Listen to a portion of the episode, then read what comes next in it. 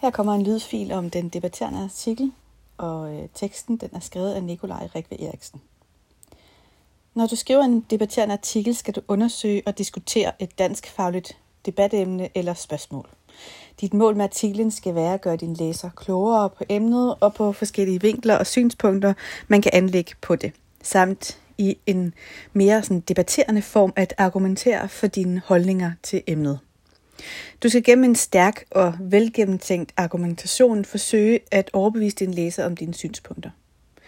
Emnet vil altid være danskfagligt og ligge inden for et eller flere af fagets tre perspektiver. Det sproglige, det litterære og det mediemæssige.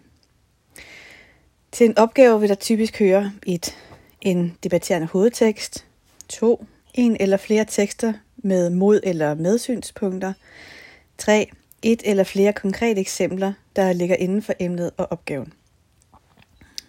Tekstmaterialet kan bestå af både skreven tekst, det kan fx være kronikker og blogindlæg, det kan også være levende billeder, øh, som den kan bestå af, eller materialet kan bestå af, det kan også være radioklip, eller billeder, fotos, tekster fra nettet og hybrider. En hybrid er jo sådan en, er sådan en blanding af forskellige genrer.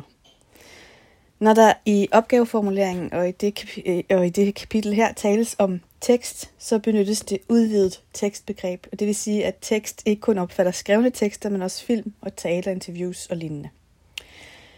Opgaven skal indeholde kolon. Og det første punkt, en præsentation af de centrale synspunkter i den hovedtekst, der knytter sig til opgaven. Punkt 2. En diskussion af emnet.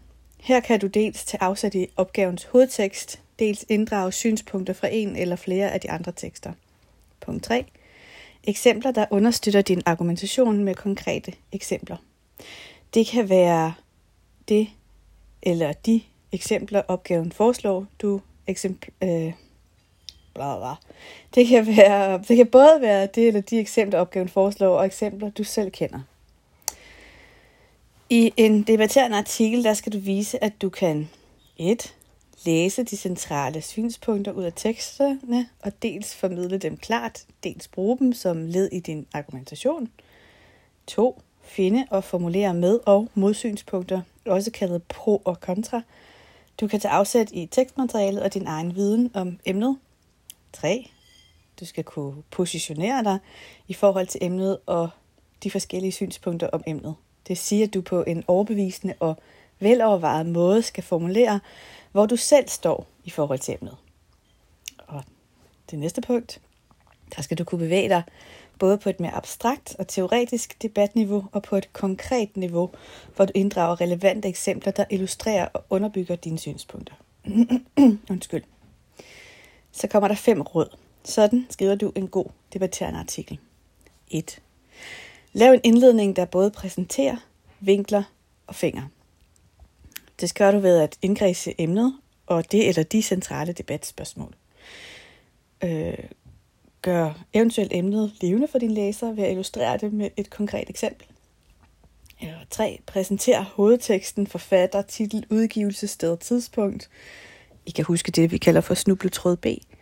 Og forklar helt kort baggrunden for, at forfatteren har skrevet den. Andet gode råd. Forklar din læser, hvilke centrale synspunkter vi ser i teksten. Det gør du ved at hæve dig over teksten og trække de væsentligste synspunkter frem, og kun de væsentligste synspunkter. Vær ikke bange for at sætte ord på, hvilke synspunkter og formuleringer, der er særligt, der er særligt vigtige i sammenhængen. Og vær som udgangspunkt nøgtern og objektiv, men antyd gerne din egen position i forhold til tekstens synspunkter. En noget det kunne fx være formuleringer på det, på, som, som de her. En noget kontroversiel holdning i godsøjne. Og i godsøjne også lettere provokerende formulering. Eller øh, man kan også skrive et udsagn, der kan virke stødende. Så på den måde har man jo så antydet sin egen position i forhold til, til, til tekstens synspunkt. Så forklarer man også øh, læseren, hvilke centrale synspunkter man tager i teksten, hvis man vurderer, at tekstens argumentationsform er vigtig for synspunkterne. Så er det oplagt at anvende danskfaglige begreber. Det kan fx være en markant og betydningsbærende brug af metaforer. Det kan være patos, det kan være direkte læserhenvendelser, en jargon og lignende. Man skal altid huske, at den debatterende artikel det ikke er en analyseopgave. Så det er, ret, det er meget vigtigt, at du ikke øh, altid sådan forklarer sammenhængen mellem tekstens form, for eksempel sproglige virkemidler, og indhold, synspunkter og budskaber. Så det er ikke noget med, at I skal analysere alle de her forskellige ting, men det kunne godt være, at der på en eller anden måde er brugt nogle af de her ting, som virker markant i forhold til den måde, der bliver argumenteret på. det er tredje råd. Inddrag andre synspunkter og vinkler på emnet. Øh, det gør man ved at trække de centrale synspunkter ud af de andre tekster, der knytter sig til opgaven. Og så skal man forklare, om synspunkterne lægger sig i forlængelse af hovedteksten, altså medsynspunkter, det der vi kalder for pro, eller står i modsætning til dem, altså modsynspunkterne vi kalder for kontra. Hvis du savner modargumenter, så må du meget gerne supplere med synspunkter, ikke bliver udtrykt i tekstmaterialet. Du behøver ikke være enig i de her synspunkter. Du kan fx skrive et hyppigt modargument lyder prik, prik, prik, eller et, øh, det her prik, prik, prik, det er et modsvar til dette synspunkt kunne være, og så videre, så videre. Du må gerne inddrage eksempler, der belyser de forskellige synspunkter. Et fjerde råd. Vis, hvor du selv står, og argumenter for dine egne synspunkter. Vær stærk, præcis og sober i din argumentation. Undgå postulater. Husk at have belæg for dine påstande. Have rygdækning, for eksempel i form af konkrete eksempler.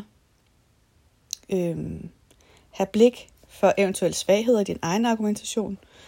Brug gendrivelser for at tage brøden af modargumenter. Vær bevidst om din brug af ethos, logos og patos, og, øh, og på hvornår og med hvilket formål du bruger hvad. Understreg eventuelt særligt centrale pointer ved at bruge stilistiske, stilistiske virkemidler. Det kan være retoriske spørgsmål. Pas dog på ikke at stille alt for mange retoriske spørgsmål, særligt sådan i, i træk. Så forventer læseren, at man får svar på dem. Øh, men det kan godt være et stilistisk virkemiddel at stille et, et retorisk spørgsmål en gang imellem. Det kan også være noget med, at man bruger alliteration eller anaforer eller stærke billeder, for eksempel nogle sammenligninger. Træk på din viden for dansk, for eksempel relevante fagbegreber og analyseredskaber, og undgå at blive banal og skinger og plat. Det femte råd. Underbyg din argumentation med eksempler. Vis, at du forholder dig til problemstillinger og fænomener fra den virkelige verden. Og husk, at din læser ikke nødvendigvis kender de eksempler, du bruger.